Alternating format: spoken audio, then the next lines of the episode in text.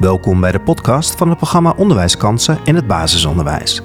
Dit programma is er voor schoolbesturen, schoolleiders, intern begeleiders en leerkrachten en biedt hen kennis uit onderzoek om onderwijsachterstanden aan te pakken. In deze podcastserie hoor je daarom onderwijsprofessionals aan het woord over hoe zij op school en in de klas meer kansen creëren, met onderzoek als inspiratiebron. Mijn naam is Janja Pubeek en in deze aflevering ga ik in gesprek met Eddie Denissen, Carola Peters en Hetty Grotendorst over de relatie tussen ouderbetrokkenheid en onderwijskansen. Welkom in de podcast. We gaan het hebben over ouderbetrokkenheid, maar we zitten met z'n vier aan tafel. Ik vind het fijn om even een voorstelrondje te doen, want de luisteraar kan ons niet zien, maar wel horen. Carola, zou jij jezelf kunnen voorstellen? Ja, Carola Peters, directeur van het Mozaïek in Arnhem. Basisschool met 600 kinderen. Staan in de wijk uh, Malburgen-Immerlo. Een wijk waar veel kinderen uh, wonen en op school zitten met een uh, lage zes-score. Waarvoor staan jullie als school? Waar wij als school voor staan is dat we echt de focus op het leren hebben. Zowel bij leerkrachten als bij leerlingen. En met name omdat wij vinden dat kinderen in potentie ontzettend veel in zich hebben. De plek waar je geboren bent zou niet van invloed mogen zijn op uh, wat je uiteindelijk op school kan laten zien. En wij geloven er heilig in dat wij dat eruit kunnen halen wat erin zit bij deze kinderen. En dat is waar we als school erg voor gaan. Zou jij jezelf kunnen voorstellen? Ik ben Hetty Grotenost. Ik ben een uh, ervaren leerkracht, mag ik inmiddels wel zeggen. Vooral in de onderbouw, jonge kinderen. En ik heb in uh, deze school ook verschillende taken en functies. Onder andere oude betrokkenheid, oude bijeenkomsten organiseren. Ja, ik vind het een uh, geweldige school om te werken.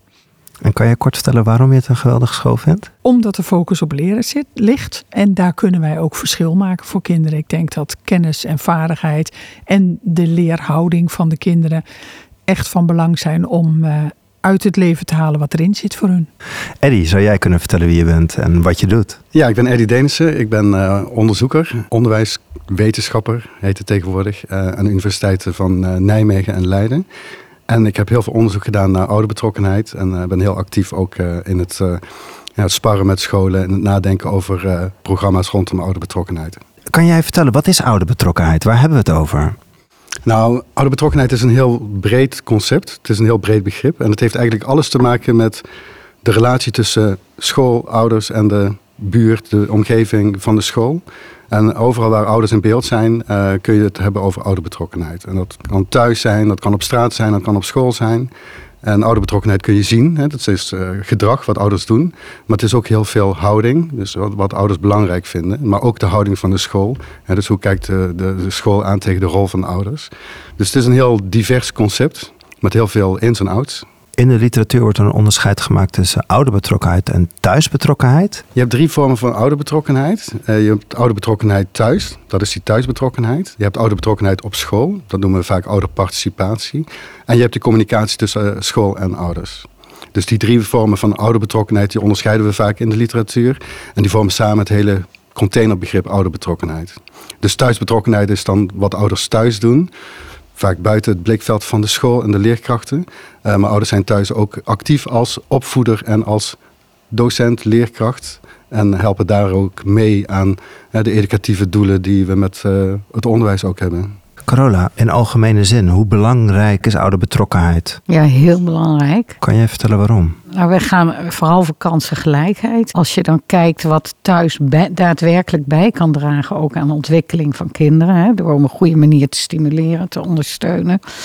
Uh, ja, dan heeft dat echt wel effecten, blijkt ook uit onderzoek. Dus in die zin uh, vinden we het als school belangrijk om goed neer te zetten van hoe gaan we die ouderbetrokkenheid vormgeven en met name ook de, ja, de thuisbetrokkenheid, zodat kinderen niet in twee totaal verschillende werelden leven en dat die werelden bij elkaar komen en dat die verbinding er is, zodat we samen, maar dan ook daadwerkelijk samen met de ouders, uh, ja, die ontwikkeling van het kind goed in de stijgers kunnen zetten. En hoe verzorg jij binnen jouw school ouderbetrokkenheid dan wel thuisbetrokkenheid? In de eerste plaats natuurlijk dat leerkrachten een goede mindset hebben. Van wat willen wij nu met die ouders? Hè? Wat is onze visie op ouderbetrokkenheid? En hoe gaan we dat ook voor elkaar krijgen? En wat moeten we dan daadwerkelijk wel doen? Of wat moeten we daadwerkelijk niet doen? Bijvoorbeeld oordeelvrij naar ouders kijken. Dat is best iets waar je heel bewust met elkaar mee om moet gaan. Want onbewust heb je allemaal je oordelen. En dat mag ook, maar wat doe je daarmee? En hoe zet je dat weg? En het oordeel wat je hebt, wil je dat wel hebben? En hoe jij kijkt, is dat ook wel zo? Collega's komen toch met beelden binnen. En dat is wel waar we het veel met elkaar over moeten hebben. Kloppen die beelden? En hoe kan je ouders op een positieve manier benaderen? En hoe kan je ook hoge verwachtingen van ouders hebben? Want ja, je weet als je, als je hoge verwachtingen van elkaar hebt, ja, zet je mensen in hun kracht. En ook ouders willen wij in hun kracht zetten. Maar daar heb je wel die leerkrachten voor nodig. Van hoe kijken die? Ja, wat kunnen zij daarin doen? En daar moet je het veel over hebben met elkaar. Ja, het, ja. kan je daar antwoord op geven. Even nou, wat Carole zegt, uh, dat je gewoon respectvol met elkaar omgaat als ouders en leerkrachten. Dan is het ook de cultuur in de school. Ik merk gewoon dat leerkrachten hier op deze school helemaal niet mopperen over ouders. Er wordt gewoon ja, vriendelijk, respectvol en soms zelfs liefdevol, begripvol gesproken over ouders onderling. Dus als je die houding al in de school hebt, neem je dat ook van elkaar over en versterk je elkaar daar ook in. Dus dat vind ik al een positieve grondhouding van de leerkracht zelf. En uh, als je als leerkracht samen met ouders wil werken, ja, dan ben je ook nieuwsgierig. Hoe, ziet die ouder, hoe kijkt die ouder daar tegenaan? Het moet een dialoog zijn, een heen en weer gesprek. En niet alleen maar uh, de leerkracht gaat dan nou de ouder eens even vertellen hoe die het moet doen. Maar hoe doe jij dat thuis? Wat doe ik hier? Leerkrachten of ouders vragen ook heel vaak: wat kan ik thuis doen? Nou, dan moet je wel met een passend antwoord komen waar die persoon ook wat aan heeft. Een ouder is geen leerkracht.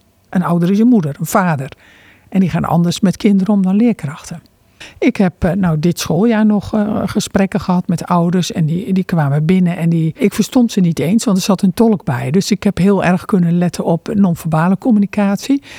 En die ouders uh, leken een beetje boos. En op een gegeven moment vroeg ik het ook gewoon, bent u boos?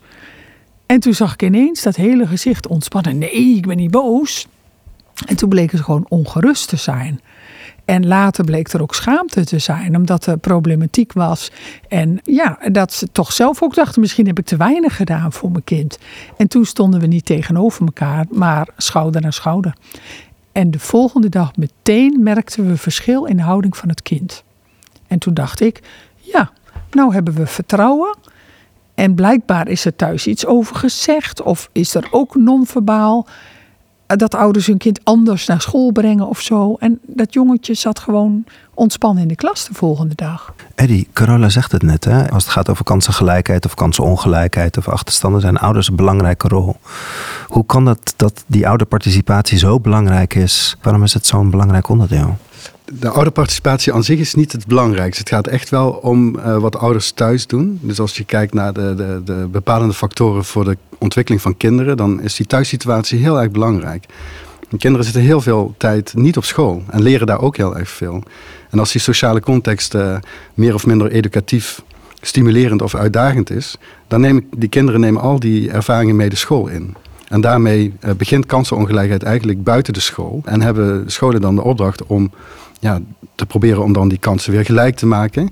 Maar als kinderen in die sociale context meer kansen al krijgen, dan is dat voor een school ook prettiger. Die omgeving van de school is heel erg belangrijk. En je ziet ook dat kinderen thuis heel veel verschillende dingen leren als je uh, een intellectueel stimulerende omgeving hebt, je hebt hoogopgeleide ouders, dan leer je thuis al zoveel. Zoveel meer dan wanneer uh, je ouders uh, ongeletterd zijn en weinig educatiefs met kinderen ondernemen, weinig lezen, zelf lezen of voorlezen.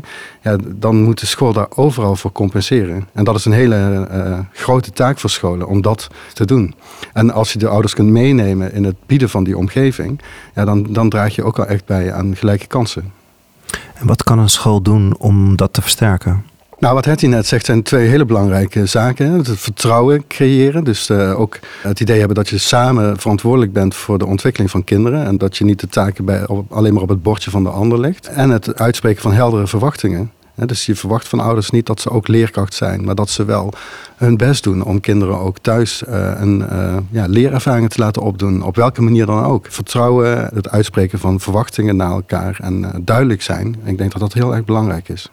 En heb je daar voorbeelden van, van wat dan goed werkt? Wat helpt nou om die, die rol van die ouder te versterken? Ja, je moet echt heel goed nadenken hoe kun je ouders betrekken bij het onderwijs zonder dat je ze de opdracht geeft om ook leerkracht te zijn. Uh, scholen proberen ouders te betrekken bij huiswerk bijvoorbeeld door uh, ze de opdracht te geven om het huiswerk te controleren of te monitoren. Maar we zijn nu bijvoorbeeld met een project met een, met een aantal collega's van de Hogeschool Rotterdam zijn we bezig met het ontwerpen van thuisopdrachten.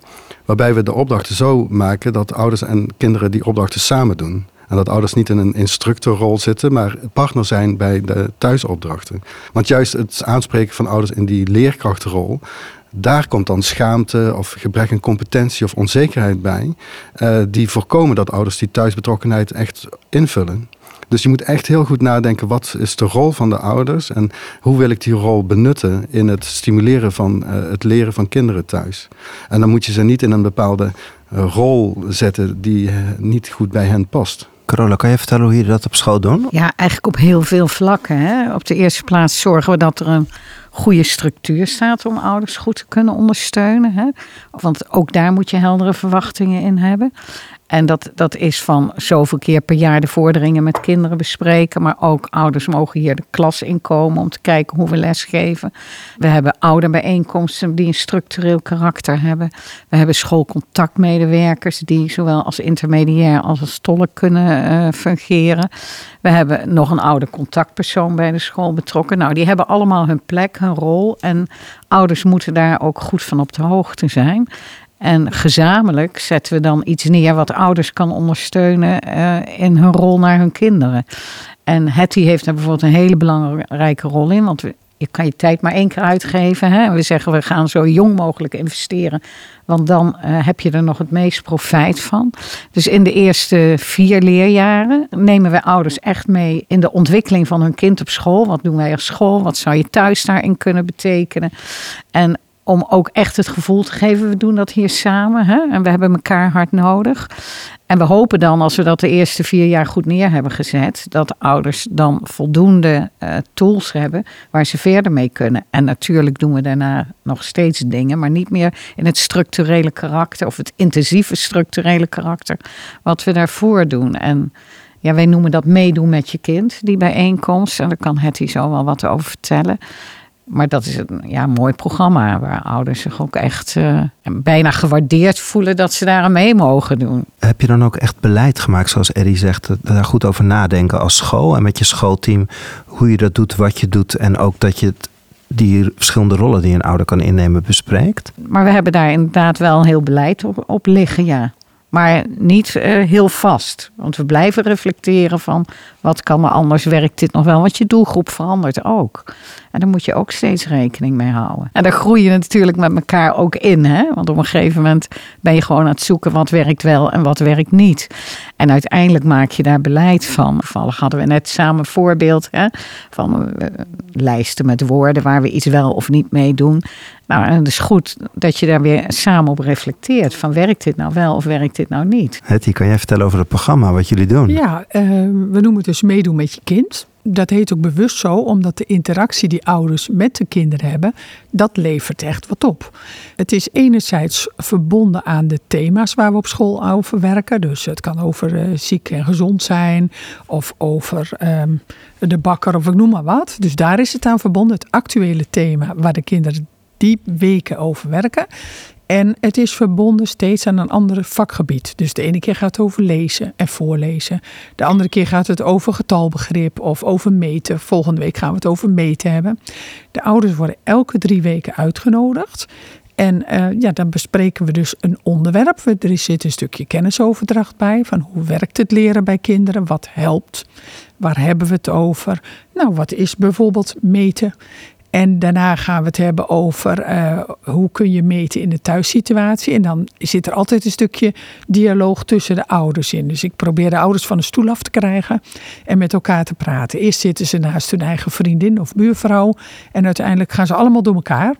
En dan doen ze dus ook nieuwe ideeën op met elkaar. Dus het is niet alleen maar dat ik ga zeggen hoe het moet. Want ja, dan uh, daar word ik heel moe van en dan gaan ze over, achterover hangen zelfdenkers. De ouders zijn zelf belangrijk, zijn ook kundig. We hebben ook hoge verwachtingen van ouders. Niet alleen van kinderen.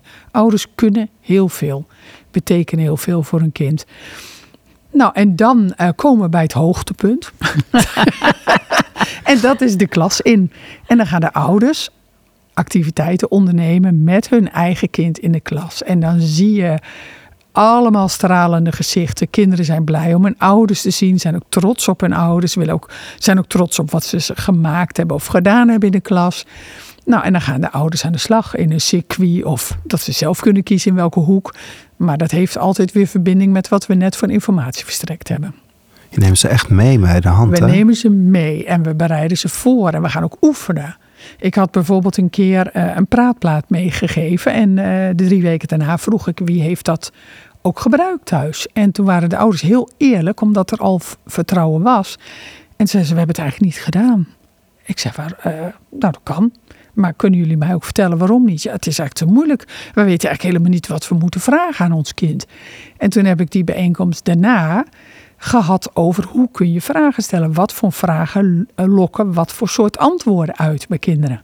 Je kunt vragen stellen waar ze alleen maar ja of nee op kunnen zeggen. Of vragen waar ze hele verhalen bij gaan vertellen. En toen hebben we dat geoefend met elkaar. En daarna hebben we, nou goed, het was coronatijd, hebben we de kinderen opgehaald in plaats van dat we naar de klas gingen. En toen zag ik dus al die ouders in gesprek met hun kind op schoot. Ja, dan zag je de kinderen helemaal met gebaren en het vertellen. En dacht, nou, gelukt. Dat is gelukt, dat stukje. Geweldig. Maar dat kwam ook omdat die ouders mij teruggaven wat ze moeilijk vonden. Dat moet je wel durven. Hey, en lukt het ook om die ouders daar bij die bijeenkomsten te krijgen? Eh, Dat wisselt, maar het lukt aardig. Ja, Jij al te knikken, Carola. Ja, ik wil eigenlijk 100% hebben. Ja, maar je dat hebt me net de getallen doorgegeven. Ik was heel blij. ja. ja. Want? Nou, ontzettend hoge opkomst. En met name de live bijeenkomst. Hè. Corona, eh, in de coronatijd hebben we ook een tijdje digitaal gedaan. Dat is echt wel lastiger. Maar met name als we die live bijeenkomst op school hebben, enorme opkomst.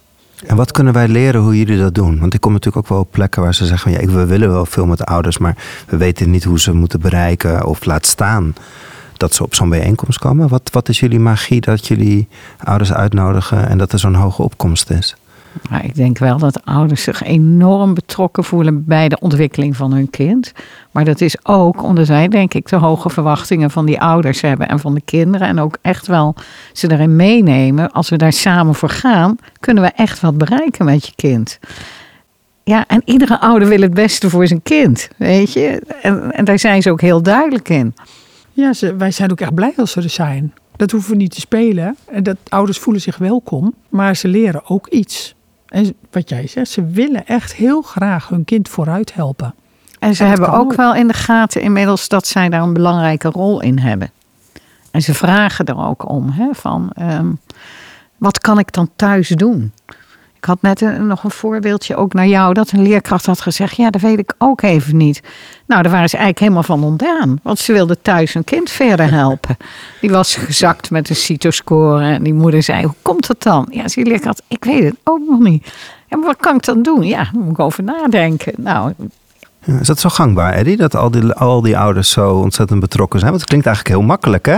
Van, Nee, het eh, is niet makkelijk. Het Nee, is, het is inderdaad- Het is iedere dag investeren. Ja. Want het, eh, eh, als ik het verhaal zo beluister, dan denk ik dat, dat dit een heel mooi verhaal is van een, van een schoolcultuur die je, eh, die je samen opbouwt. En dit is niet een trucje wat je even kunt inbouwen, want dan werkt het niet. Dus ik denk dat je echt goed langdurig moet investeren in het bouwen van een gemeenschap waarin ouders ook die verantwoordelijkheid zien en die, die, die relatie tussen de school en de ouders een bepaalde vorm krijgt. Dus in de literatuur over dat soort programma's eh, haal ik vaak twee belangrijke boodschappen.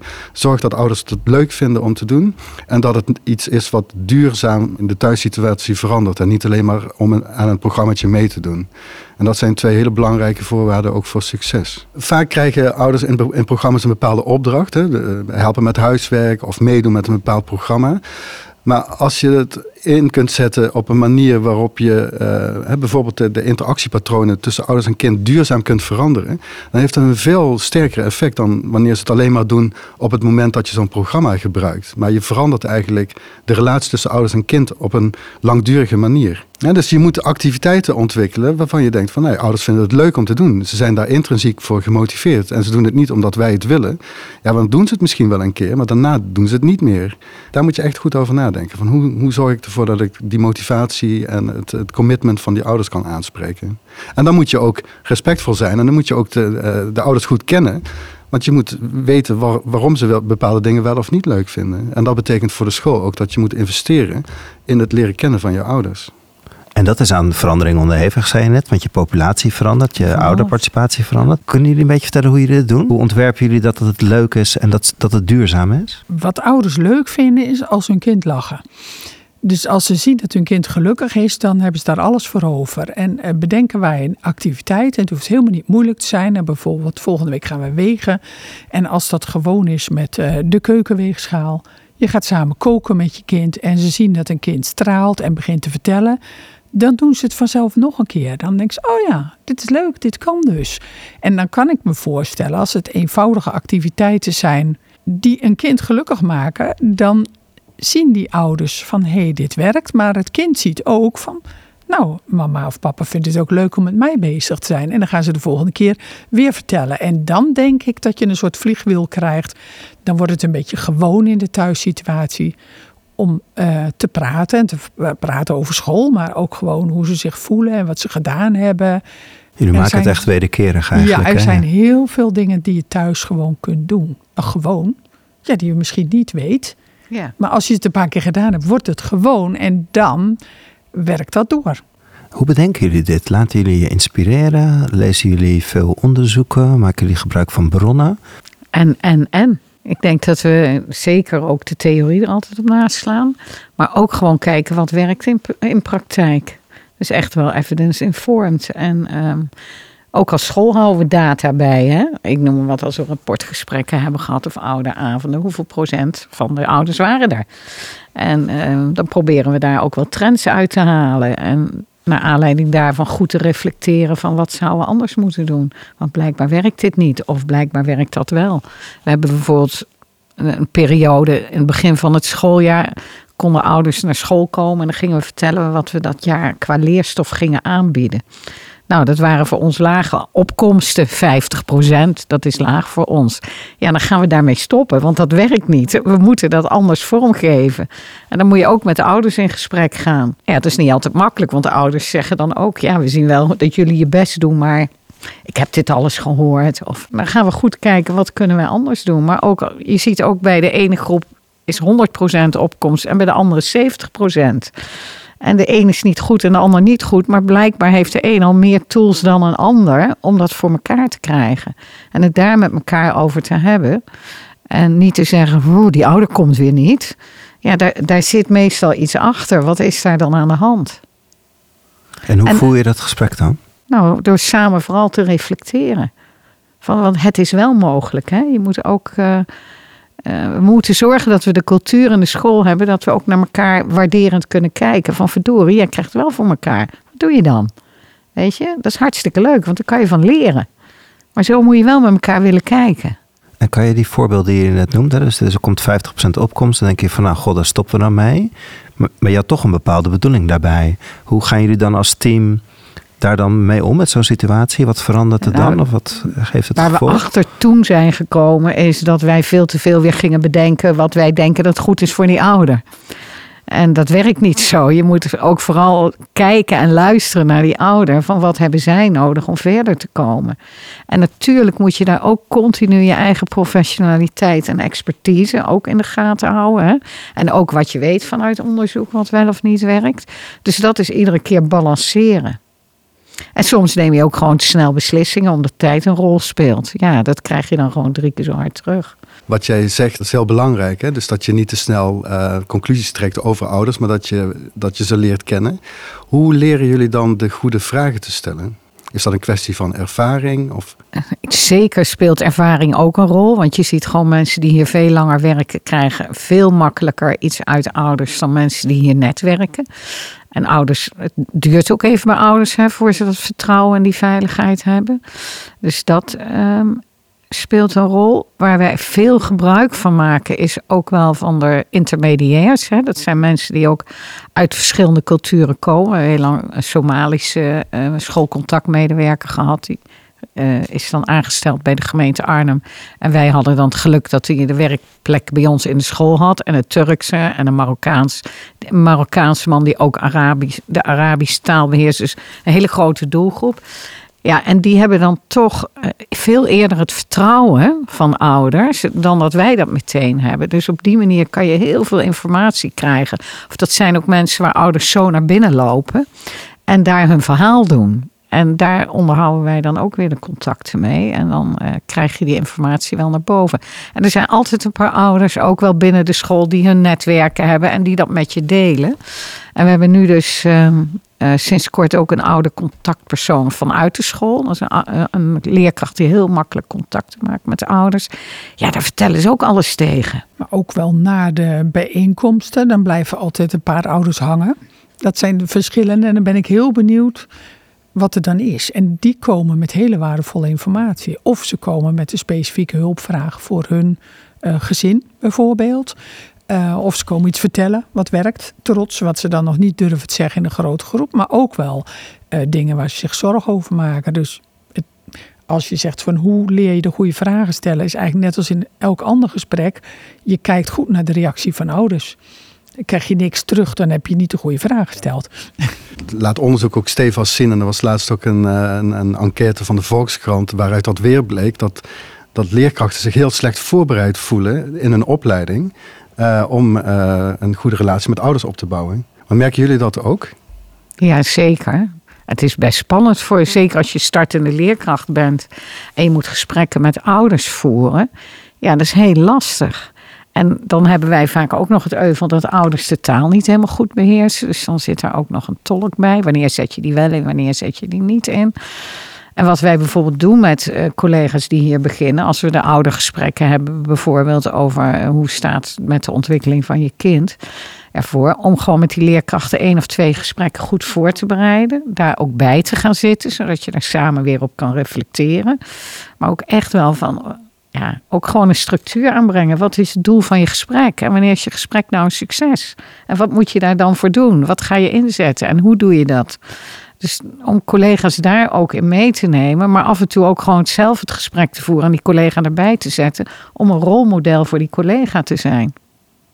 En wat we in het begin zeker doen, is ook als er spannende dingen liggen, van leg die maar even buiten de groep of buiten jezelf. Hè, leg het maar bij de directie neer of bij de interne begeleider, maakt niet zoveel uit. Want die verbinding tussen jou en die ouder moet goed blijven. Bijvoorbeeld een kind wat continu te laat komt, ja, daar moet je wat mee. En dan zeggen we tegen zo'n startende leerkracht, laat maar even, dat pakken wij even op. Jij moet zorgen dat die verbinding goed blijft. Dus ja, dat soort structuren zet je dan samen wel neer. Ik vind het wel een mooi punt wat jij zegt. Hè? Je zegt iets over de lerarenopleiding. En mijn ervaring is ook dat uh, stagiaires niet altijd bij oudergesprek aanwezig mogen zijn. Klopt. Dus wanneer is het moment dat je dit leert? Hè? En jij gaat heel zorgvuldig om met je startende leerkracht. Is dat ook wel iets wat op een lerarenopleiding hoort? Of is het eigenlijk niet in die inductiefase waar Corolla het over heeft? Hoort dat niet eigenlijk... Ja, het, het, hoort eigenlijk bij alle, op, op allebei die plekken. Je moet er in de opleiding wel al goed op voorbereid worden dat het eraan gaat komen. Hè? Dus dat je niet alleen maar in een klas werkt uh, of in een school, maar dat hè, de wereld groter is dan alleen uh, die schoolcontext waarin je werkt. Uh, maar daarna houdt het natuurlijk niet op. Hè? Je, bent, je bent nooit klaar als je van een lerarenopleiding afkomt. Maar hetzelfde geldt ook gewoon met klassenmanagement of andere zaken. Je moet er wel in een opleiding een basis voor leggen. En ik zie nu bij heel veel lerarenopleidingen dat als het gaat over ouder betrokkenheid, dat daar uh, te weinig gebeurt. En als het gebeurt, uh, dan zie ik ook het voeren van gesprekken meer als een communicatietraining, hè, de gespreksvaardigheden. Maar de grondgedachte daaronder, hè, dus de theorie en je visie uh, op ouders, waar we het nu ook over hebben. Want wat betekenen ouders voor jou? Hoe kun je ze aanspreken? En waarom doe je dat op een bepaalde manier? En wat is de visie van een school? daar is veel te weinig aandacht voor. Het is een essentieel onderdeel van je docentschap. Maar je moet wel kunnen oefenen. En als je op de opleiding zit, ja, je kan alle kennis aanbrengen, maar de oefening komt erna. En die moet je toch wel echt in de praktijk doen. En als we hier bijvoorbeeld op school kijken met studenten. Kijk, een student die er net is, die ouders nog niet gezien en gekend en kennen.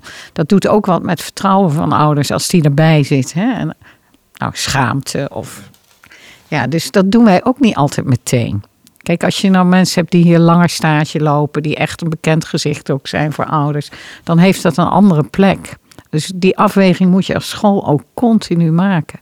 Waar ik nog even benieuwd naar ben, Eddie zei het net ook, is het, woord communicatie. Hoe geven jullie vorm aan je communicatie met die ouders? Want de voorbeelden die jullie net uh, gaven, waren die ouders er al? Hoe verzorgen jullie eigenlijk uh, de uitnodigingen, de, de, de contacten, de, de kleine communicatie, zodat je ze dichtbij houdt? Zijn jullie bewust met taal of met. Nou, het belangrijkste is altijd dat we zeggen: we moeten die ouders bereiken. Dus we zorgen dat de taal maar op één manier te interpreteren is, dat die uh, ja, eenvoudig is in die zin. We vertalen ook, want we zeggen wij zijn er niet om te zorgen dat die ouders Nederlands gaan leren. Wij zijn ervoor dat die ouders begrijpen wat wij ze willen zeggen. Dus we, we in drie talen laten we het altijd vertalen. Voor dus de een brief is in drie willen. talen? Ja, als het nodig is. Ja. Welke talen zijn dat dan trouwens? Somalisch hadden we. Ja. En we hadden Arabisch en Turks. En de Somalische contact, schoolcontactwerker die is naar Somalië teruggekeerd. Dus die hebben we even niet meer. Dus dat stukje valt weg. Maar dat doen we wel. En we hebben straks bijvoorbeeld weer een oudertevredenheidsonderzoek. En dan hebben we dat in vijf talen laten vertalen. Zodat de ouders ook daadwerkelijk kunnen bijdragen in, um, in eigenlijk de reflectie op school. En hoe doe je dat in je dagelijks handelen in de klas? Ik vraag ook elke keer de leerkrachten, nodig je ze ook persoonlijk uit? Vraag je ze, kom je morgen? We staan bij de deur, s ochtends ook. We hebben bijeenkomst vandaag. En er zijn er toch nog ouders die verbaasd zijn. het al op ja. vier, vijf manieren uh, schriftelijk laten weten, maar gewoon mondeling, gewoon bij de deur staan. Ja. Wanneer is het nu? Oh, ja, oké, okay, kom. En dan gaan ze mee naar binnen. Wat je wel ziet is dat, dat het investeren, zeker in de informele communicatiekanalen, hè, dus bij de deur staan en, en praatjes maken, dat dat heel effectief is. En dat je niet alleen maar moet koersen op jouw formele uh, communicatie hè, met nieuwsbrieven. dus die persoonlijke aandacht en die informele communicatie, die is daar heel belangrijk in. Daarom zijn we ook zo blij dat ze weer de school in kunnen na de ja. vakantie. Want bij de deur, hè, die vijf minuutjes bij de deur, die zijn gewoon heel belangrijk. En die maken ook echt het verschil. Die maken echt verschil. En dat maakt ook dat uh, als ouders problemen ervaren, dat al in een heel vroeg stadium besproken kan worden. Als het eigenlijk nog geen probleem is. Maar zie je elkaar maanden niet en je moet wachten tot iemand gaat bellen of schrijven, is het eigenlijk al onnodig laat. Ja. we hebben heel veel mooie voorbeelden. Jullie vertellen hoe zorgvuldig je die community moet opbouwen en dat die eigenlijk op elk moment van de dag zijn. Zijn er lessons learned waarvan je zegt van nou, dat zijn instinkers, ja. dat moet je niet doen? Nou ja, ik denk dat de schoolcultuur het belangrijkste is. Hè? En dat je niet de moraliserende rol in moet gaan nemen. Niet de veroordelende rol van, oh die ouder, of daar heb je ze weer. Of oh, dat andere kind van die ouder. Weet je, dat zijn dingen, dat moet je niet doen. Positief over ouders praten. Erin geloven dat ouders echt het best voor hun kind willen. Zaken niet persoonlijk maken. Want ouders zitten, ja, die hebben ook temperament en uh, die zitten vaak in emotie als het om een kind gaat. Ja, dat, daar moet je begrip voor kunnen op te, uh, ja, opbrengen en, en snappen waarom dat zo gebeurt. En zeker de doelgroep waar wij mee werken, dat zijn ook ouders die onderhandelen op hun manier. Hè? Daar kunnen ze soms heel ver in gaan. En dan denk je, oh, wat gaan ze nou doen? Dan zeggen ze bijvoorbeeld, als je dat niet doet, ik ga het aan de krant schrijven. Of ik bel, haal de politie erbij. Uiteindelijk doen ze dat niet. En de volgende dag heb je gewoon weer heel goed contact met de ouders. Maar ze, ze gaan gewoon ver om het, het gevoel te hebben, ik heb alles voor mijn kind gedaan. En als je dat soort zaken niet persoonlijk maakt, ja, weet je, dan, dan kom je heel eind met de ouders. Probeer niet van een, uh, alle gezinnen een Nederlands modelgezin te maken. Dus laat een, uh, laat een Antilliaans gezin een Antilliaans gezin zijn. Laat een Turks gezin zijn. Nederlandse cultuur is niet superieur aan andere culturen. En in elke cultuur, elke thuiscultuur kun je leuke dingen met je kinderen doen. Leuke, leerzame dingen dan. Daar gaat het eigenlijk een beetje over. Dus uh, dat vind ik nog een instinker van als scholen niet zo gewend zijn om met andere culturen samen te werken. Dat ze het pas goed vinden als het op de Nederlandse manier gebeurt. En hoe kan je ons, wij luisteraars die nu naar jou luisteren, die dit wel vaak in intentie heb, vinden, want hier is niemand tegen, maar om ruimte voor die ander te maken, moet je dus ook, ook ruimte kunnen geven. Hoe doe jij dat in je dagelijkse praktijk? Luisteren, vragen, hoe doen jullie dat thuis? Je moet ook oprecht geïnteresseerd zijn van hoe vieren jullie dan het suikerfeest? Of wat doen de kinderen dan als uh, jullie naar de moskee gaan? Of, uh, nou, uh, nu heb ik het toevallig over geloof. Antilliaanse geloof zijn ook weer anders. Dus dan, dan probeer je daarbij aan te sluiten. Dus je moet eerst luisteren, vragen stellen en luisteren. En dan ga je zoeken, zie ik daar een mogelijkheid? Maar het is niet zo heel moeilijk, want iedereen eet. En bij elk, elke maaltijd kun je gesprekken voeren met elkaar. En bij elke maaltijd kun je eigenlijk onderwerpen aansnijden die over rekenen gaan. Of hoeveelheden of gewicht of inhoud of taal. En in elke cultuur wordt er ook, eh, zijn de verhalen. Ik had laatst een moeder en die vroeg ik ook van, eh, die vroeg wat kan ik doen? Ik zei, nou, kunt misschien voorlezen, doet u dat wel eens? En nou ja, ja, mijn Nederlands is niet zo goed. Ik zei, nou misschien dan in uw eigen taal. Ze zei, maar daar heb ik geen boeken van. Ik zei, maar verzin dan een verhaal. Dat kan iedereen. Dus je moet eigenlijk samen gaan zoeken met die ouders. Eddie, heb jij nog vanuit onderzoek nog echt gewoon uh, instinkers waarvan je zegt, nou, blijf daarbij weg? Dat je moet proberen om niet um, in een veroordelende hoek te, te komen. Hè? Dus dat je niet te snel praat over de niet betrokken ouder of lastige ouders, afwezige ouders. Uh, die ouders die, die bestaan niet. En dan chargeer ik het even. Maar je mag ervan uitgaan dat alle ouders wel het beste voor hebben met hun kind. Maar dat ze niet altijd weten hoe ze daar op de beste manier invulling aan kunnen geven.